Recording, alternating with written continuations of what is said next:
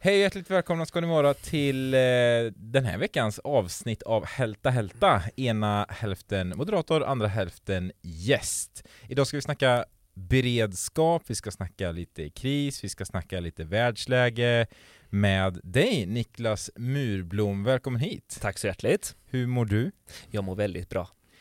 När du kom hit så sa jag direkt att vi måste ta elefanten i rummet och jag sa sen också att det här kommer vi få ta även när vi spelar in Absolut. För att jag, vi har ju setts nu kanske i, ja, när började du i Skövde kommun? I oktober 2020.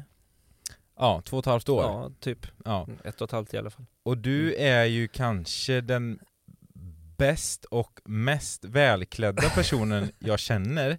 Tackar. Ja men det, det kan du ha. Och sen när du kom hit idag, när vi liksom ska ha inspelning, ja, då, då dyker du upp i en Pippi Långstrump t-shirt. Det gör jag. Och då blir det så här. varför då? Surprise! Jag gillar det. Jag, gillar, jag själv kör liksom vanlig hoodie, men Mm. det brukar jag göra. Mm. Ja men eh, Pippi fyllde ju år i helgen, fyllde ju 81 år är det sen Astrid Lindgren släppte första boken. Så ehm, då hade jag och min fyraåriga dotter en deal att på, på måndag så har hon på sig sin Pippi-klänning, hon har Pippi-flätor och jag har min Pippi-t-shirt på sig som en liten så här grattis på födelsedagen Pippi. Jag blev stannad på stan. Eh, någon som bara, ja, jag måste bara ge dig cred för din snygga t-shirt. Ja, du ser. Man behöver inte gå i skjorta och kavaj bara för man jobbar som beredskapsstrateg, Nej, så är det. som du gör. Det är inte ofta du ser vuxna män i Pippi-t-shirt. Men du sa, du började här i oktober 2020, vad sa du? 20? 2020 ja, Ja. precis. Hur, eh, vilket ju lite delikat för mig in då på, på resan du har gjort från oktober 2020 till idag. Mm. Du jobbar som beredskapsstrateg. Mm. Hur har eh, din roll ändrats? Det har ju hänt väldigt mycket eh, på de här åren, både corona och så nu det senaste med hela Ryssland-Ukraina-grejen. Jo men precis. Och, och när jag började här så, jag visste ju att jag egentligen skulle, jag skulle ju jobba med krisberedskap och civilt försvar. Men när jag började här så var vi ju mitt i pandemin, så det var ju, jag gick ju in i den organisationen direkt och började med pandemihantering. Och då var det inte så mycket prat om just krisberedskap, eller då, vi var ju i en kris. Så det var ju krisberedskap kopplat till pandemin då. Ehm, men inte så mycket prat om civilt försvar, men det har ju ändrats väldigt drastiskt nu sedan den eh, 24 februari. Så det- nu är det ju väldigt mycket, det var precis som att man bytte, nu är pandemin över, nu pratar vi civilt försvar istället. Så. Och, och eh, pandemin pågår fortfarande till del, men den är ju, eh, eh, vad ska man säga, lyset, ljuset skiner ju inte på den nu, utan det skiner ju på vår, vår krigsberedskap eller vårt civila försvar nu. Ja, alltså vi var ju verkligen på väg ur pandemin Även om Ryssland inte hade invaderat Ukraina Mm. så skulle vi ju märkt av en skillnad både i samhället och i media Just det här att ja, men det håller på att ebba ut Ja, precis. Och nu när Ryssland in- invaderade Ukraina Mm. och tog liksom all plats i media och press Det gjorde ju inte saken eh, Ja, vad ska man säga? Det låter ju fel, men det gjorde inte saken sämre för att bli av med coronan inom citationstecken. Corona får ju väldigt, väldigt lite utrymme Så är det. just nu. Absolut. Är det en fara tycker du? Just för att det är ju faktiskt inte över. På, på ett sätt, samtidigt så får man ju se hur, hur smittan ser ut nu. Det finns fortfarande några som, som lyfter fram en farhåga om att det skulle kunna komma en ny våg. Och, men, men sannolikheten för det är ganska lågt om man lyssnar på de som kan och vet. Men samtidigt så, vi har ju den vi har ju det med oss, eller jag har med mig det, att det skulle kunna komma en ny våg. Men då vet vi ju hur vi hanterade det senast och då får vi ju dra igång den organisationen igen då.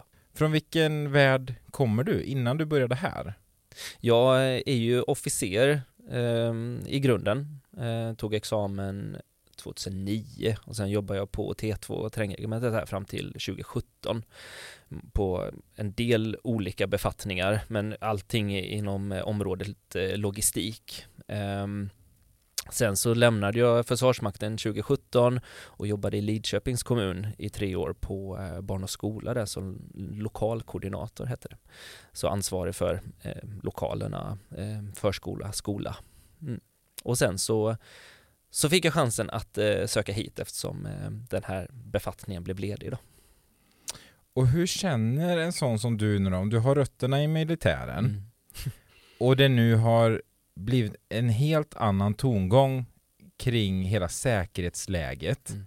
Känner du att det är någonting, stora citattecken, kul? Mm. Eller är det liksom, känner du som jag att jag hade helst velat vara utan det? Ja men det är klart att jag, jag hade också gärna varit utan ett krig i Ukraina, eh, såklart. Ja, jo men det vill jag bara göra Eh, klart. Det hade nog alla, men du förstår Jo, vad jag menar. Jag förstår precis vad du menar. Samtidigt, ja, jag tycker det är eh, jag tycker det är bra att det här lyfts fram nu som ett aktuellt läge eftersom vi har monterat ner vårt dels vår försvarsmakt men också vårt civila försvar och liksom sänkt beredskapen under många år. Och det gör ju oss sårbara överlag. Och nu när vi har, man har ju pratat om den eviga freden, Sverige har inte varit i krig på 200 år, men helt plötsligt är kriget närmre vår gräns än vad den har varit tidigare. Vi påverkas eh, mer i, idag än vad vi, vi påverkades under Balkankriget också. Vi tog emot väldigt många flyktingar, men det var inget som kunde spilla över på Sverige så att säga. Här så har man ju ändå Ryssland som är ett attackerande land har ju även använt Sverige i sin retorik och skickat hot mot Sverige. Eh, så vi påverkas ju denna gången på ett helt annat sätt än vad vi har gjort tidigare. Ehm, så som svar på din fråga, jag tycker ju att det är bra att man höjer beredskapen igen. Man rustar upp det civila försvaret, man rustar upp försvarsmakten. Och det, det är inte bara bra ur ett krigsperspektiv utan det är bra ur en kri, ett kri, krisberedskapsperspektiv också. För har vi beredskap för krig, då har vi beredskap för kris också. Men för ursprungsfrågan då, Mm. är det, tycker du att det är, eh, ska vi säga positivt för din yrkesroll då? Man ska kanske inte säga kul, även fast det är stora citattecken. Men jobbar du liksom hellre med det här än med coronaarbetet? Ja, ja, jag jobbar ju hellre med det här. Ja. Ja, det gör jag absolut. Du känner dig lite mer hemma? Jo, men det gör jag. Alltså försvarsfrågor är väl det jag har med mig sen, sen tidigare och nu är det ju bara den civila, civila sidan. Eh, men det gör jag ju hellre och stärker vår, eh, vårt del av civila försvaret och vår krisberedskap än att just hantera pandemin. Du har fått svara på frågan Mm. jättemånga gånger, Mm. men jag tänker vi tar den igen. Civilt försvar, vad är det? Det är ju någonting som, som slängs runt ganska Mm. mycket, men det, vi ska även komma in på vad faktiskt beredskap är, men vi börjar med civilt försvar. Men eh, civila försvaret är ju allt det som inte handlar om att stoppa eh, ett annat land från att invadera oss eller att möta de militära eh, militära stridskrafterna. Det gör inte det civila försvaret. Det civila försvaret ser till att värna om civilbefolkningen i Sverige och i Skövde, i Skövde kommun. Det handlar om att upprätthålla de samhällsviktiga verksamheterna. Vi ska hålla igång sjukvård, skola, förskola, eh, vattenförsörjning, elförsörjning och sen så ska det civila försvaret även vara berett på att stötta Försvarsmakten med det de behöver för att lösa kriget så att säga, eller lösa striden och se till så att anfallande land inte kan eh, ja, ta sig in i Sverige eller anfalla oss. Så alla, oavsett vem man är egentligen, är en del av det civila försvaret. Absolut. Och vad kan man göra då som, ja men både som anställd i Skövde kommun, Mm. men även som privatperson, Mm. för att vara en del av att stärka det civila försvaret? Ja men det, det är att bidra till just de, framförallt de två första punkterna som jag sa där, att värna om civilbefolkningen, att vi värnar om varandra, vi tar hand om varandra, både när det är kris och när det är ytterst krig då. Men även att vi ser till att, att samhället fungerar så bra det bara kan, även i krig. Eh, att vi alla gör det man kan för att samhället ska fungera. För det, det, finns ingen, kommunen har ett ytterst ansvar att som sagt hålla upp, upprätthålla de samhällsviktiga verksamheterna. Men vilka är det som gör det? Jo, det är kommuninvånarna. Dels de som jobbar i kommunen, men sen kan man ju bidra på annat sätt också. Hur då? Ja, man kan stötta, man kan stötta sjukvården, eh, man kan stötta mm, med att ta, ta emot folk i sitt hem. De, det är ju inte alltid ett helt land blir påverkat direkt samtidigt när det är krig. Det är bara att titta på Ukraina nu. Nu är kriget mest eh, koncentrerat till östra och södra delarna, men resten av Ukraina har ju eh, möjlighet att stötta de delarna med att ta emot eh, de som flyr, eh, skicka förnödenheter, mat, ställa upp på olika sätt. Så det är väl det som det civila försvaret handlar om ytterst. Det är att vi ska ta hand om varandra och se till att samhället fungerar. Mm. Och som medarbetare i Skövde kommun då? Mm. Det har ju pratats en del om, om krigsplacering. Mm. Är vi krigsplacerade? Eh, nej, det är vi inte i Skövde kommun. Utan vi eh. bidrar till det civila försvaret på, på något annat sätt? Ja, vi, vi har ju anammat något som heter allmän tjänsteplikt och det innebär att när det är höjd beredskap så då går man till jobbet och eh, fullgör sin tjänst i kommunen ehm, och på det sättet så bidrar man då. Eh, krigsplacering är ett verktyg som man kan använda för att ingen annan ska i anspråksta dig när det blir höjd beredskap, som till exempel Försvarsmakten krigs, har ju krigsplaceringar, de har ju krigsplacerad personal. Om man är vad heter det, hemvärnsman eller hemvärnskvinna eller reservofficer så har man ändå en krigsplacering i Försvarsmakten. Det betyder att väl höjd beredskap så är det Försvarsmakten som, som ska ha dina tjänster och inte Skövde kommun till exempel. Men som du då till exempel, mm. eh, sticker du till Försvarsmakten om det skiten skulle träffa fläkten så att säga? Alltså som det ser ut idag så har jag min krigsplacering i Försvarsmakten. Ja, det ja. var ju tråkigt för oss då. Att bli av med vår beredskapsstrateg om det, om det nu skulle brinna till ordentligt. Men jag har gjort ett väldigt bra förarbete, okay. så ni klarar er utan mig. Okej. Okay.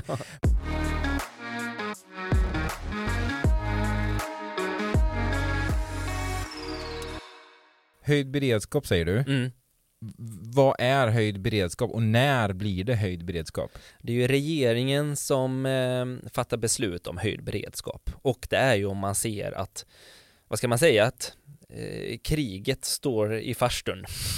mm. det, det, är nära krig. Eh, och, och då hur, måste man höja beredskapen liksom. Och, och, jag förstår att det, går, det är inte binärt liksom, antingen är det nära eller mm. så är det inte nära, utan mm. det där är väl en flytande skala. Men om du skulle uppskatta, mm. hur långt ifrån i dagsläget den 23 maj mm. är vi från att gå upp i höjd beredskap? Ja, men vi, vi är rätt långt ifrån att gå upp i höjd beredskap. Hotet mot Sverige, ja det finns, men det är inte så reellt så att vi skulle behöva gå upp i höjd beredskap. Jag vet att Försvarsmakten har ju absolut, de har inte gått upp i höjd beredskap, men de har ju vad ska man säga, skärpt bevakningen ut med Sveriges gräns. Så kan jag säga. Mm. Mm. Så det är ju där vi får, eller där regeringen får informationen om att det börjar bli dags att tänka på att höja beredskapen.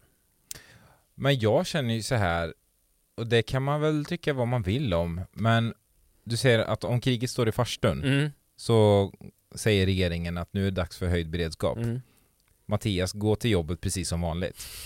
jag känner ju, jag, det, jag är ju inte jättepigg eh, på det. Om, om man får höra då att ja, men Ryssland då skulle invadera Sverige och mm. de kanske, ja men nu är de i Skara. Mm. Nej men Mattias, inte jobbet mm.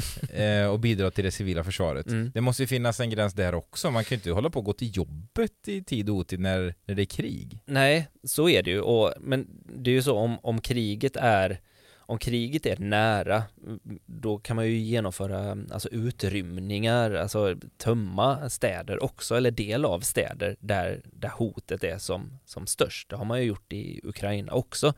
Um, så, så det, det, är klart, det, det är ju en yt ytterlighet om, eh, om, om kriget är i Skara, ja då kanske Skövde måste tänka på att det är dags att utrymma eh, om kriget kommer till Skövde, om det är så det ser ut.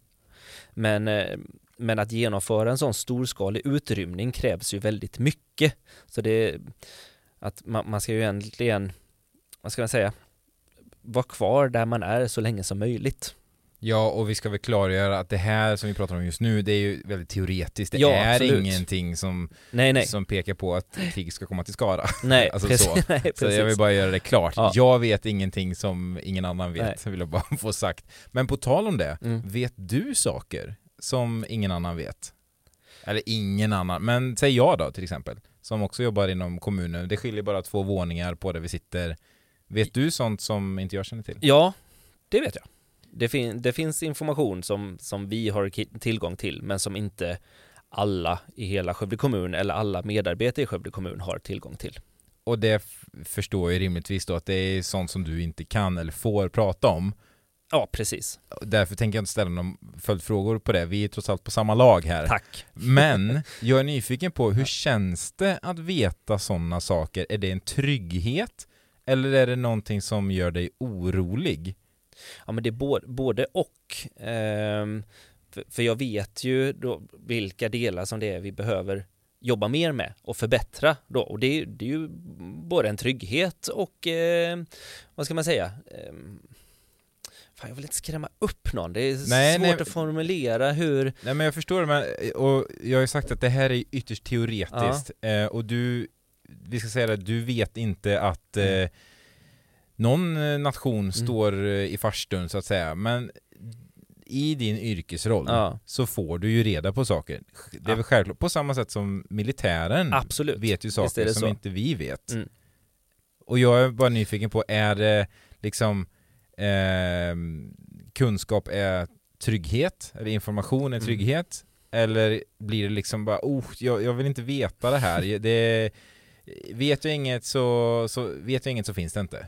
Nej men jag skulle säga att det, det är en trygghet att veta, veta det jag vet. För, eh, för då vet jag ju hur jag ska eh, rikta mitt arbete för att kommunen ska bli ännu tryggare och ännu säkrare och ännu bättre beredskap än vad vi redan har idag. Så du skulle inte välja liksom att, eh, eller du sitter inte och håller för öronen på Nej, de här jag- nej, oh, jag vill inte veta detta. Nej, tvärtom, för det, det är ju mitt jobb, liksom att se till att vi får en bättre beredskap. Eh, att vi kan göra våra kommuninvånare tryggare och eh, att de känner sig säkrare för att vi jobbar med våra beredskapsplaner och vi åtgärdar det som vi behöver åtgärda. Men en liten halvkritisk fråga då. Mm. Du säger vi jobbar med våra beredskapsplaner. Planer hit och dit Mm. känner jag. Mm. Om, om, om det skulle bli så att det inträffar något mindre trevligt. Mm. Håller man på med planer då? Som man säger i Försvarsmakten, en plan är bara en plan fram till första kontakten med fienden. Exakt. Så det, det är ju ett det är ju en teoretisk lösning. Det är ju, det är ju inte förrän väl krisen inträffar om man ser eh, vad det egentligen innebär som man kan börja leda och fördela uppgifter för att hantera och lösa krisen. Så man kan ju ha ett, en plan som utgår från olika scenarion såklart. Eh, och hur gör vi där och hur gör vi där? Men det är ju ingen som har facit från början, men man kan ha en tanke kring hur vi skulle kunna göra det. Jag tycker att hur vi och kommunen har hanterat dels eh, coronapandemin och hur vi hanterade eh, när kriget bröt ut i Ukraina och hur vi skulle göra för att ta emot flyktingarna och hantera kommunens oro och hur vi bemötte det. Eh, det tycker jag vi hanterar på ett väldigt bra sätt. Och vi har nu med de två händelserna i, i bagaget en, en väldigt god förmåga dels att upprätta ledning för hur vi hanterar det och hur vi leder arbetet i kommunen men också att vi har bra, bra koll på våra grejer och, och bra koll på våra förmågor att hantera den här typen av händelser. Ja, alternativet kanske är då att inte ha gjort någonting. Precis. Och då måste det väl vara bättre att ha gjort någonting än inte någonting. Jo, och, och övning är alltid övning. Man kan öva hur mycket som helst, men sen det, det är skillnad på övning och skarpt läge. Så är det, så är det alltid. Men det måste ju vara så att man är ju bättre förberedd om man faktiskt har övat än om man Absolut. inte har gjort någonting. Så är det. Och vi, eh, vi övar, det gör vi. Och det, det är så vi blir bättre. Och det är där, det är det som är grunden i våra planer. Det är det vi kommer fram till i våra övningar.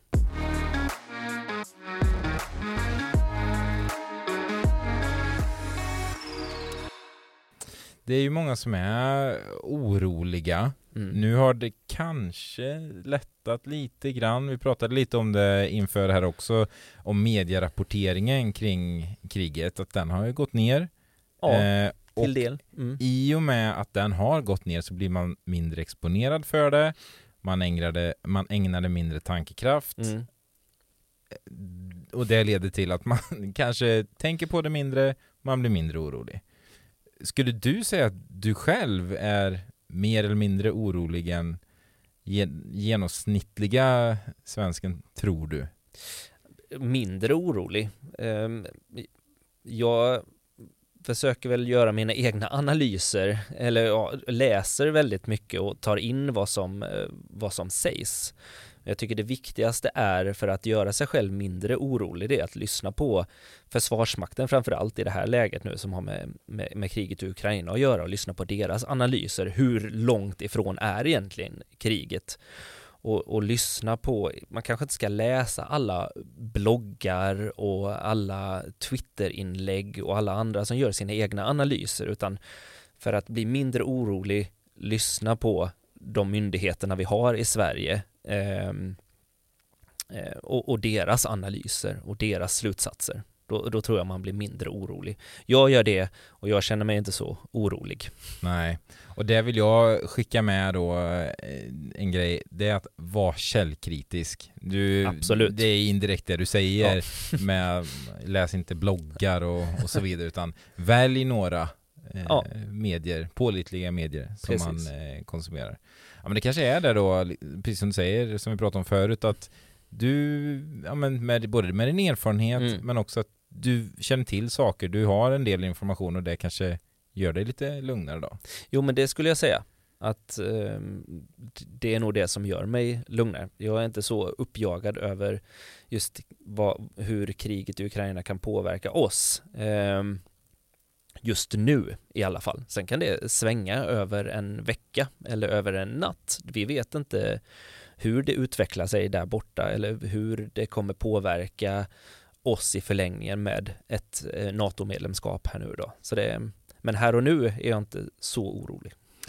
Påverkar ett, eh, ja vi får nästan sätta ett eventuellt Mm. innan NATO-medlemskap. Precis. Påverkar ett eventuellt NATO-medlemskap hur Skövde kommun arbetar med säkerhetsfrågor eller är vi liksom för långt ner i kedjan så att säga och Mm. här är det business as usual eller?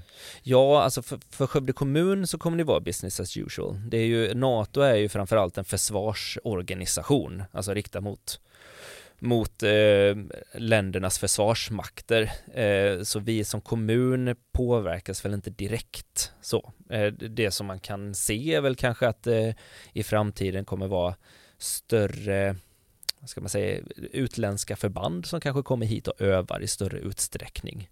Men det har ju varit utländska förband och övat i Skövde förr, alltså NATO-förband, även fast vi inte har varit med i NATO. Så, em, så stor skillnad kommer vi nog inte, det kommer inte vara någon större skillnad för oss som kommuninvånare. Hur hanterar du balansen Mm. mellan tragiskt världsläge och nu får jag jobba med det jag kan? För det är ju någonting positivt och någonting negativt.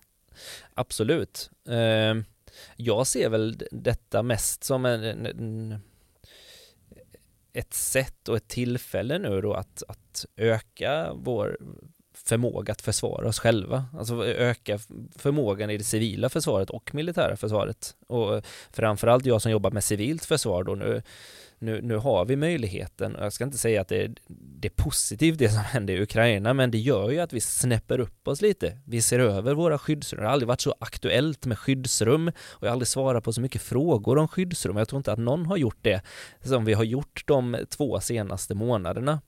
Kontaktcentret har ju fortfarande emot flera, flera frågor om skyddsrum och vad som gäller. Eh, och MSB har nog också blivit översköljda av frågor gällande skyddsrum. Men det är ju, det är ju en del i befolkningsskyddet och en del i det civila försvaret som vi inte har ägnat så mycket tid och pengar åt i Sverige på, på flera årtionden. Så det är ju någonting, det är ju en del i det civila försvaret som vi behöver snäppa upp oss kring. Det roliga här är att när jag sa till min sambo eh, under förmiddagen här att, eh, att jag skulle göra en intervju med dig Så sa hon bara, ah, har du förberett några frågor då? Ja, jo men eh, jo, det har jag Ja, vad, har du något om skyddsrum? Ja, precis, ja, du ser. Och jag sa det, här, "Nej, men jag vet inte om vi ska prata skyddsrum, men jag tror dels har han pratat om skyddsrum så himla mycket förmodligen eh, Och det har varit på agendan Mm. så mycket redan Mm. Men uppenbarligen så är det ju, men jag tror det är för att det är så himla konkret Ja men det är det. Det är Absolut. liksom ett ställe, kommer det en bomb Mm. så annars har man ingenstans att gå. Nej. Och alla har sett skyltarna, man vet Mm. liksom de finns där. Så att jag tycker inte det är så konstigt att, eh, att frågan eh, är aktuell. Nej, det är absolut inte. Och VMA samtidigt, det alltså flyglarm och skyddsrum, det går ju lite hand i hand såklart. Mm. Och om man vill veta det, nu när man hör så mycket om eh, flyglarm, man pratar mycket om skyddsrum i Ukraina, man pratar om eh, ryska bomber, så det är väl klart att man tänker tanken själv, och vart tar jag vägen om det skulle ske här i Skövde? Så det är inte alls förvånande att det kommer mycket frågor kring skyddsrum. Men eh, om vi ändå är på skyddsrum, Mm. hur, ha, har Skövde tillräckligt mycket skyddsrum? Eller många skyddsrum? Men i centrala delarna, ja. Vi har ett, ett eh, stort utbud tänkte jag säga. Men vi har många skyddsrum. Tillräckligt för de som bor i centrala Skövde. Hur är skicket på dem då? Är det bara att öppna dörren och gå in? Är de liksom inflyttningsklara så att säga? Eller är det bara förråd i dagsläget? Jag skulle tro att eh, huvuddelen av de skyddsrummen som vi har nyttjas till förråd idag eh, och har inte varit ska man säga aktiva skyddsrum eller förberedda eller övats att ha förberett dem som eh, riktiga skyddsrum på väldigt, väldigt länge. Så att många av skyddsrummen vi har i centrala Skövde eh, är i behov av en tillsyn och en besiktning för att se vilka åtgärder man behöver göra och kanske rensa ut lite till och med. För det är ju så att från det att man säger att nu, nu, ska vi, nu är det höjd beredskap, nu behöver vi göra i ordning våra skyddsrum. Då har man 48 timmar på sig att tömma ett skyddsrum och eh, göra det redo för att folk ska kunna komma ner där och vistas där om det kommer ett flyglarm. Då. Och vilka har ansvar för detta? Det är respektive fastighetsägare, så det är ju både är man en, en eh, privatperson som äger en fastighet där det finns ett skyddsrum, då är det du som är ansvarig eh, för det eh, och gör de åtgärderna. Eh, så det finns ju både kommunalt ägda skyddsrum eller eh, kommunalt ägda fastigheter med skyddsrum i, där kommunen är ansvariga. Det finns skyddsrum i våra eh, bostadsbolag i kommunen, där bostadsbolagen och fastighetsägarna är ansvariga och även då privatpersoner som har skyddsrum i sina fastigheter som de är ansvariga för. Så egentligen så är det inte till kommunen man, återigen citationstecken, ska ringa och ställa frågorna kring Man Skyddsrum. kan, man kan göra det, men de, de som ger vad ska man säga, de som är tillsynsansvariga är ju MSB. Om man går in på MSBs hemsida som nu har uppdaterats väldigt många gånger sedan den 24 februari med tanken på mängden eh, av frågor om skyddsrum så finns där all information man kan få. Vad som gäller med husdjur, vad som gäller med tider, vem som är ansvarig, vem som är besiktningsansvarig. Det finns till och med en, en, en hel eh, frågor och svar till fastighetsägare så att man som fastighetsägare vet mm, vad som gäller för dig och vilka ansvar du har. Eh, är det den vanligaste frågan du har fått skulle du säga nu de senaste tre månaderna? Ja, frågor kring skyddsrum och kring VMA. Eh, absolut. Vad är ett VMA? Det är ett viktigt meddelande till allmänheten, är förkortningen. Och det ska inte förväxlas då med Hesa Fredrik?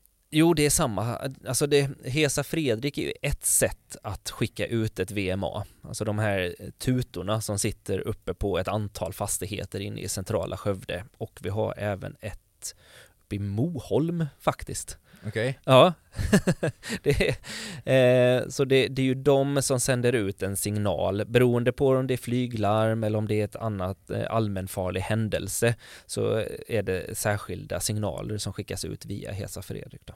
Det, och det vill jag ju då eh, skicka med återigen. Eh, jag kommer med små instick. Mm.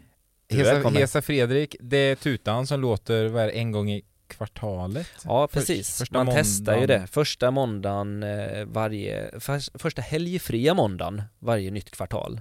Det. Så eh, nu skulle det egentligen varit nästa test den 6 juni. Men det blir ju inte för då är det ju nationaldagen och det är röd dag. Så nästa test av VMA är den 13 juni. Ja, Okej, Mm. och det jag skulle komma till då, det är att Hesa Fredrik har ju även olika eh, jag höll på att säga melodier, det är inte melodier, men det är ju inte en, ett tut som, som gäller för allt. Nej, precis. Det finns ju eh, ja, men några kort, lite, lite som morsealfabetet. Precis så. Men det har ju inte gemene man koll på, det kan jag inte tänka mig. Eh, nej, men det är bra att ha koll på. Och vill man ha koll så kan man kolla det på eh, MSBs hemsida. Så det, det, är ju, det är ju rätt bra att veta om det är när väl 13 juni kommer, vi kommer gå ut och informera om att nu är det test igen, för i de här tiderna som det är nu med kriget i Ukraina så vet vi att, att folk är på tårna. Och ehm, då är det rätt bra att veta om det är ett test, alltså en testsignal eller om det är en så kallad skarp signal då. Så eh, jag kan tycka att alla borde känna till vilka signaler som är vilka och, och lyssna på hur Hesa Fredrik låter när det väl är dags för test. Men då skickar vi med det. Ja, eh, tycker jag. In och, in och kika. In och kika. Eh, för det står, det står beskrivet på MSBs hemsida hur eh, Hesa Fredrik låter för olika typer av larm. Precis.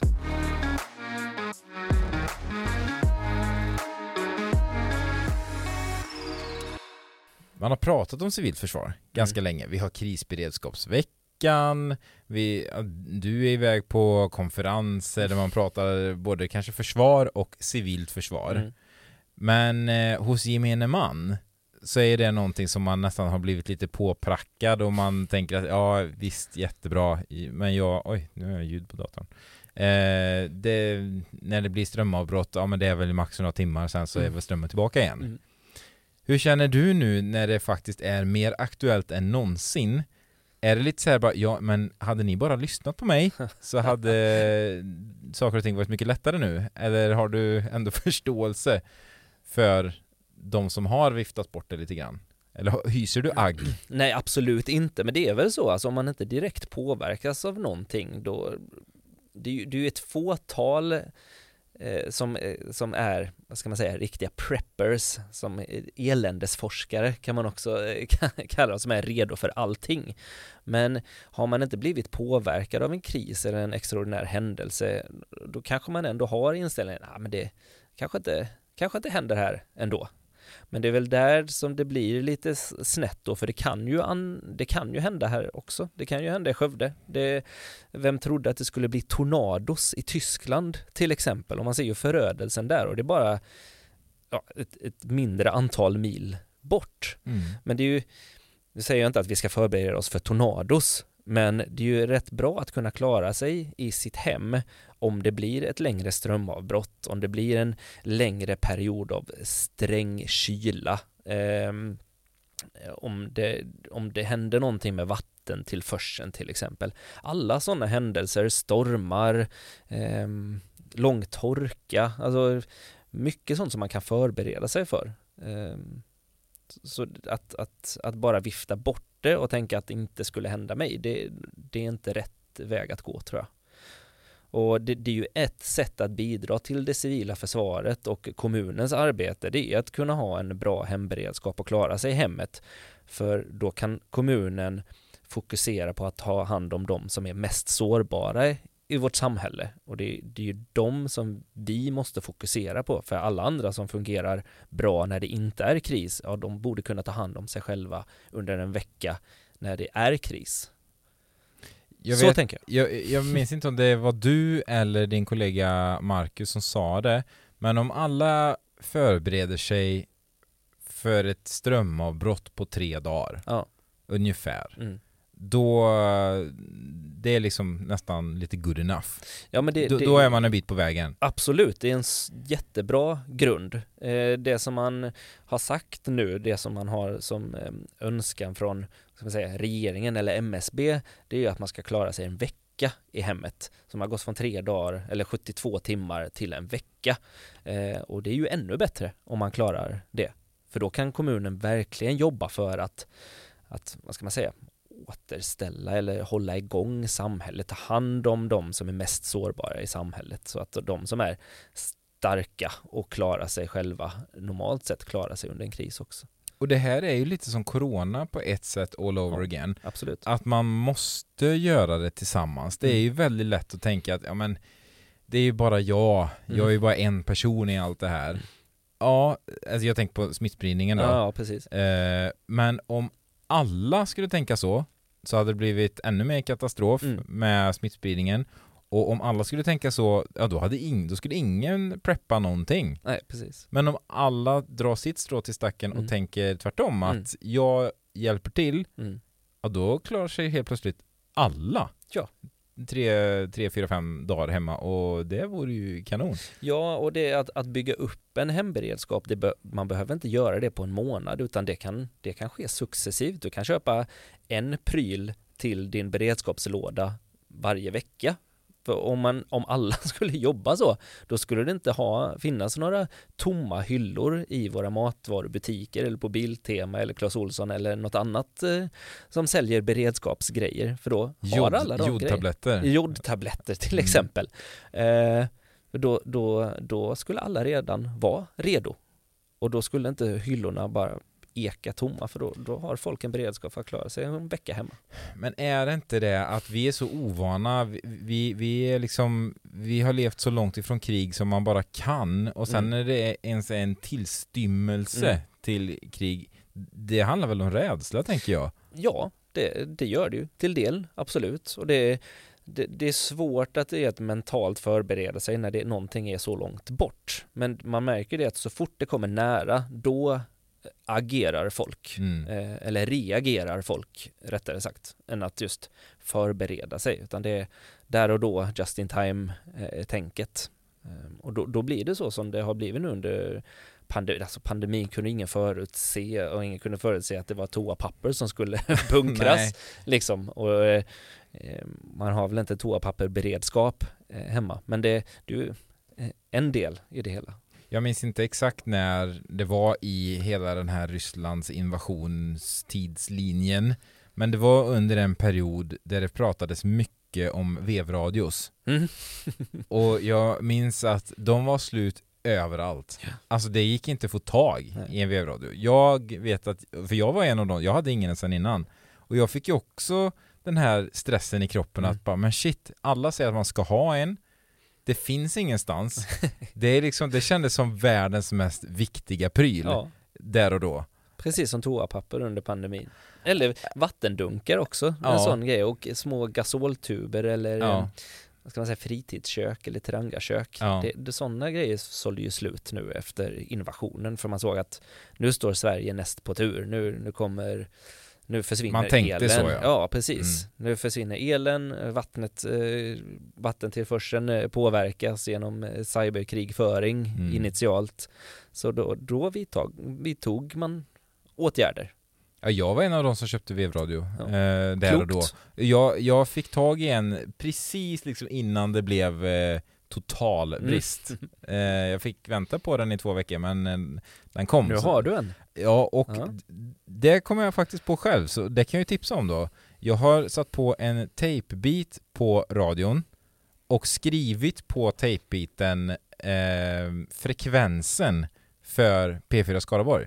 Föredömligt. Ja, jag tycker det, Ja, och, det kom, och det kommer jag på själv. Så det kan ytterligare ett... Eh, Vad är frekvensen för jag P4 vet Skaraborg? inte i det i huvudet, det står på tejpen. Så Okej. jag, be- jag behöver inte ha det i huvudet. Jag tänkte vi kunde, kunde berätta det för lyssnarna. Vet du vad? Ja. Eh, ge, ge mig eh, två sekunder. Ja, du får två sekunder. Jag, jag klipper detta. Ja, då har jag googlat. Mm. Då kan jag tala om att eh, P4 Skaraborg har frekvensen 100,3. Mycket bra. Så det kan alla s- skriva upp.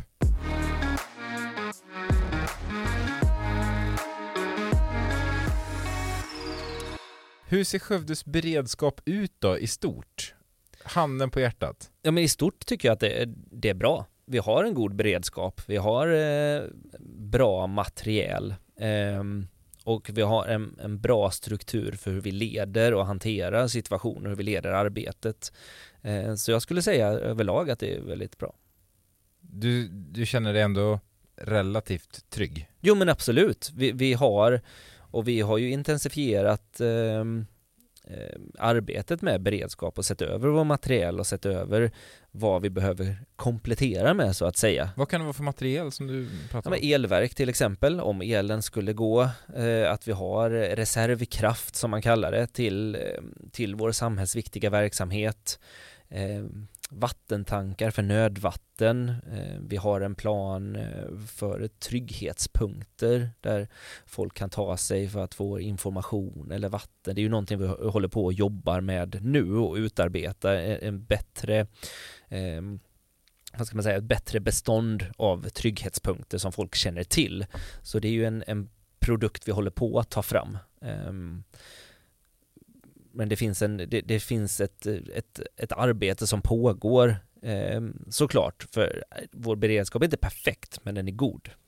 Vi kan hantera en, en kris eller extraordinär händelse på ett bra sätt.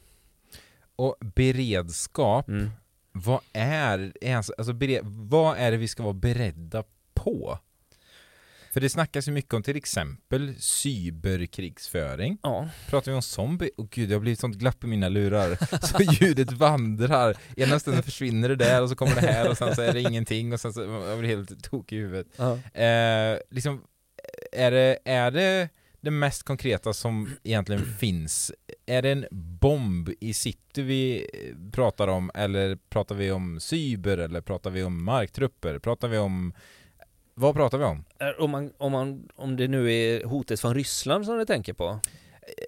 Ja, ja, vi kan väl ta det för det är väl mest aktuellt. Ja, då, då är det väl framförallt cyberhotet då. Det, det är inte Okej, okay, det är det vi pratar om framförallt. Ja, för det, det ser man, det, det, pågår ju idag försök till intrång i våra IT-system och kommer man in i ett kommuns IT-system, då kan man förstöra väldigt mycket. Kolla bara vad som hände i Kalix till exempel. Det är där vi jobbar med hur hur står vi emot ett, eh, ett cyberangrepp? Hur upptäcker vi det? Och så det är ju en typ av beredskap. Sen så har vi en beredskap, en som man kallar det kontinuitetshantering, att hur hanterar vi om det skulle ske? Ehm, så det är ju det är ju en typ av beredskap vi har för just cyberhotet då, eller cyberattacker. Så det är ja, större säga, risk för cyberattacker än, äh, än liksom ett klassiskt krig? Ja, och du, och du säger absolut. att cyberattackerna sker redan? Ja, ja, så är det. Ja. Mm. det känns ju... På, på ett sätt så måste jag ju ändå säga, och jag tror nog att många håller med mig, jag ser ju eller vet du vad? Jag vet faktiskt, det finns någon som inte alls håller med mig, för vi diskuterade det här jag och några kompisar, att jag ser ju mycket hellre en cyberattack mm. än liksom marktrupper. Men han, min kompis höll inte med, för att du kan göra så otroligt mycket med cyberattacker. Eh, ja, det kan du göra. Men jag vill nog fortfarande hävda att jag ser hellre att någon hackar någonting än att det står trupper Eh, liksom ja, alltså det är ju pest och kolera, eller pest eller kolera liksom. Ja. Det är, eh, men det, det, är klart att du, du, kan ju komma åt väldigt mycket samhällsviktig information och påverka våra samhällsviktiga verksamheter genom en IT-attack. Mm. Både elförsörjning, vattenförsörjning, våra IT-system. Eh, så det, det är klart att du kan absolut påverka en, en kommun väldigt långt om bara genom en välriktad cyberattack. Men då undrar jag lite så här, om vi nu säger och ponerar att, att det är Ryssland då, mm. som, som håller på och cyberattackerar. Mm. Vad vill de med det? Vad är vitsen med att liksom försöka tränga sig in i Skövde kommuns, ja vi ser att de gör det då. Mm. De slår ut eh, så att vi inte kommer åt eh, journaler på, till, till de äldre på äldreboenden. Mm. Jaha, vad, fick, vad, vad vill de med det? Bra fråga. Shit vilken bra fråga. Ja men det är så här, bara, gör de bara high five och sen så går de på nästa ja. kommun bara för att de tycker det är kul eller vad? Nej men det är väl bara att visa att de har förmågan att, att störa. Alltså har man förmåga att störa via cyber då, då, då påverkar man ju du kan ju påverka opinionen och eh, visa att ja, men Ryssland kan göra detta, låt oss inte störa Ryssland. Nej men det är det här som jag blir så frustrerad på. Vi skulle aldrig störa Ryssland. Nej. Och det är det som jag inte fattar. Alltså så här, de, de visar att de kan. Ja, Mm. jättebra. Vi vet att ni kan. Mm. Men det, det enda de gör, tänker jag, att fortsätter de hålla på, Mm. ja, till slut så någonstans går väl gränsen även för Sverige. Så det Ryssland gör, tänker jag, Mm. är att bara provocera. Ja, Och då, och då kan man ju tänka, om, om Ryssland nu säger att äh, men vi känner oss hotade av eh, NATO och så vidare. Mm. Ja men det sista ni bör göra då är väl att hålla på och provocera. Mm. Men eh, det är väl kanske ingen riktigt som förstår egentligen vad, vad det är, eller få som faktiskt förstår Rysslands agenda. Men jag, jag blir eh, frustrerad och Mm. förvirrad Mm. faktiskt. jag förstår det. Det, det Jag ser liksom jag inte också. syftet. Nej, nej, nej, då, det, är, det är bara de som vet Jag syftet. blir nästan lite upprörd Ja, när jag pratar om det. Ja. Ja men det är så dumt tycker jag bara. Lägg av! ja.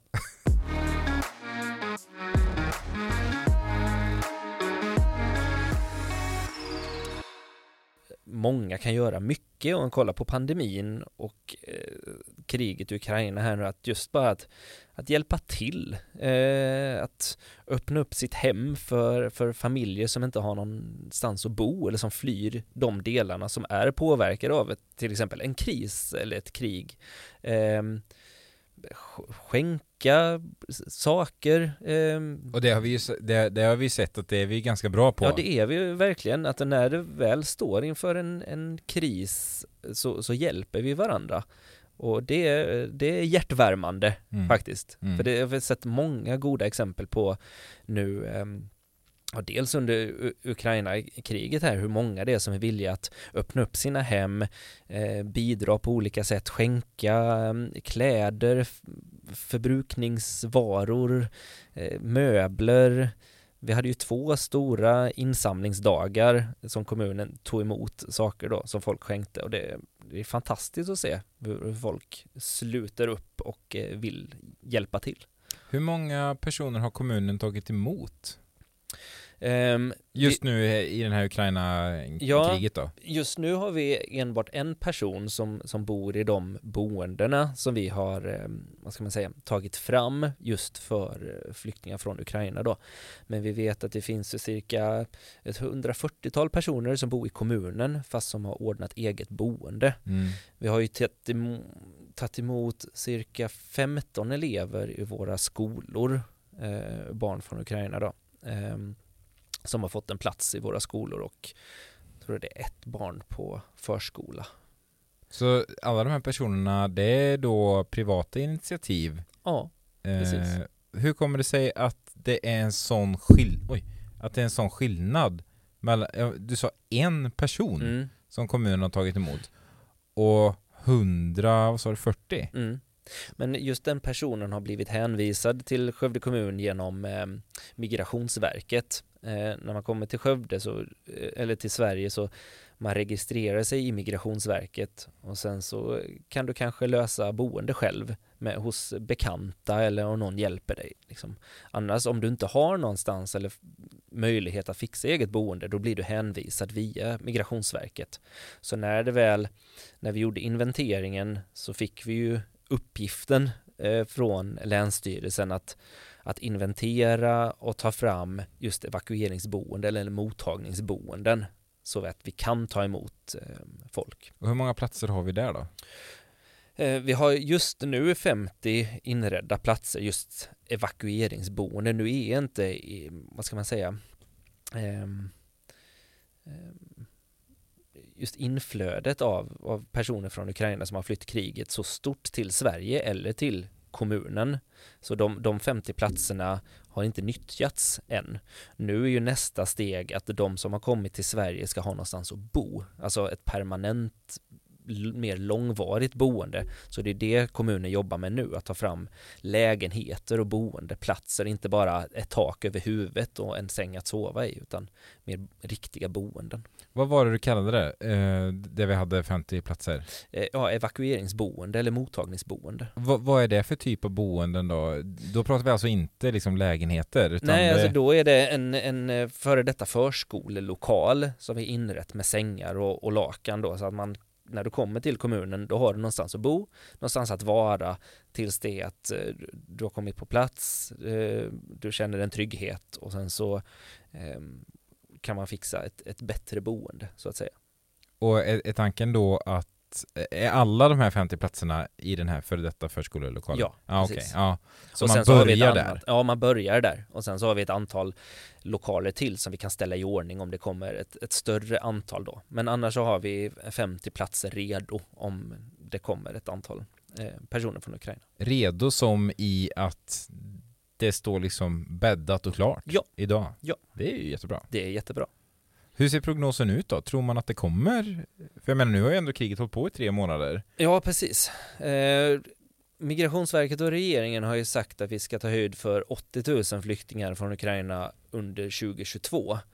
Sen utifrån det så har man ju eh, tagit fram ett lagförslag på, eh, som träder i kraft då antagligen första juli om en jämnare fördelning mellan kommuner. För man har sett en snedfördelning sedan tidigare, till exempel från eh, flyktingvågen 2015 där från Syrien, att det blir väldigt snedfördelat mellan landets kommuner. Så nu är det en lag som eh, strävar efter en jämnare fördelning. Där Skövde har fått en, eh, ett, ett eh, vad vad heter det nu, ett, en tilldelning Mm. eller ett fördelningstal som säger 404. Så vi jobbar ju för att ta emot 404 personer från Ukraina under 2022. Du Niklas, jag tycker att vi eh, ska börja runda av där. Vi har hållit på lite drygt en timme. Eh, Vi har går fort. touchat både det ena och det andra. Men eh, jag tar i alla fall med mig att det man kan göra som medborgare Mm. och medarbetare för all del, se till att du klarar dig hemma Mm. själv Mm. utan utomstående hjälp i, ska vi säga då, tre dagar till en vecka? Nej, Alltså vi mål- säger en vecka. Okej, vi säger en Mm. vecka. Då, då har du i alla fall initialt gjort vad du kan. ja, precis. Ja, det finns olika signaler Mm. för Hesa Fredrik, Mm. den stora tutan. Precis. Gå in och kika vad de betyder. MSBs hemsida. Ja, Mm. ja vi har gått igenom många punkter. Ja. Jag ska inte sammanfatta allting för då blir det ytterligare en kvart här. Har du någonting mer som du inte har fått sagt som du vill eh, eh, skicka med?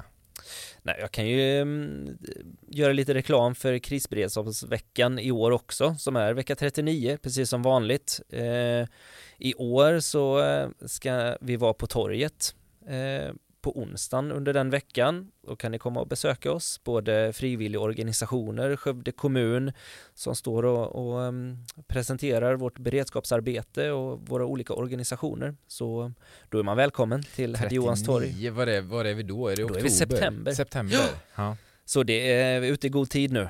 Eh, Ja, men, fast eh, du vet, snart är det sommar och sen så hokus pokus så är det september. Ja, Så kanske man inte får säga Jo, när, får att sommaren bara ska försvinna fort. ja, men du Niklas, eh, tack så mycket för att du kom hit, klargjorde både det ena och det andra, tycker jag. Och, tack för att jag fick komma. Ja, herregud, du är alltid välkommen. och nästa gång du är här så får vi se då om du fortfarande är, det kanske är någon annan Astrid Lindgren-figur, då kommer du med barnen i, barnen i Bullerbyn eller någonting. Vi får se. Ja, jag gillar det. det är bra. Du, som sagt, tack så mycket. Tack för att ni har tittat och lyssnat. Tills vi hörs och ses nästa gång, så ta hand om er. Hej då!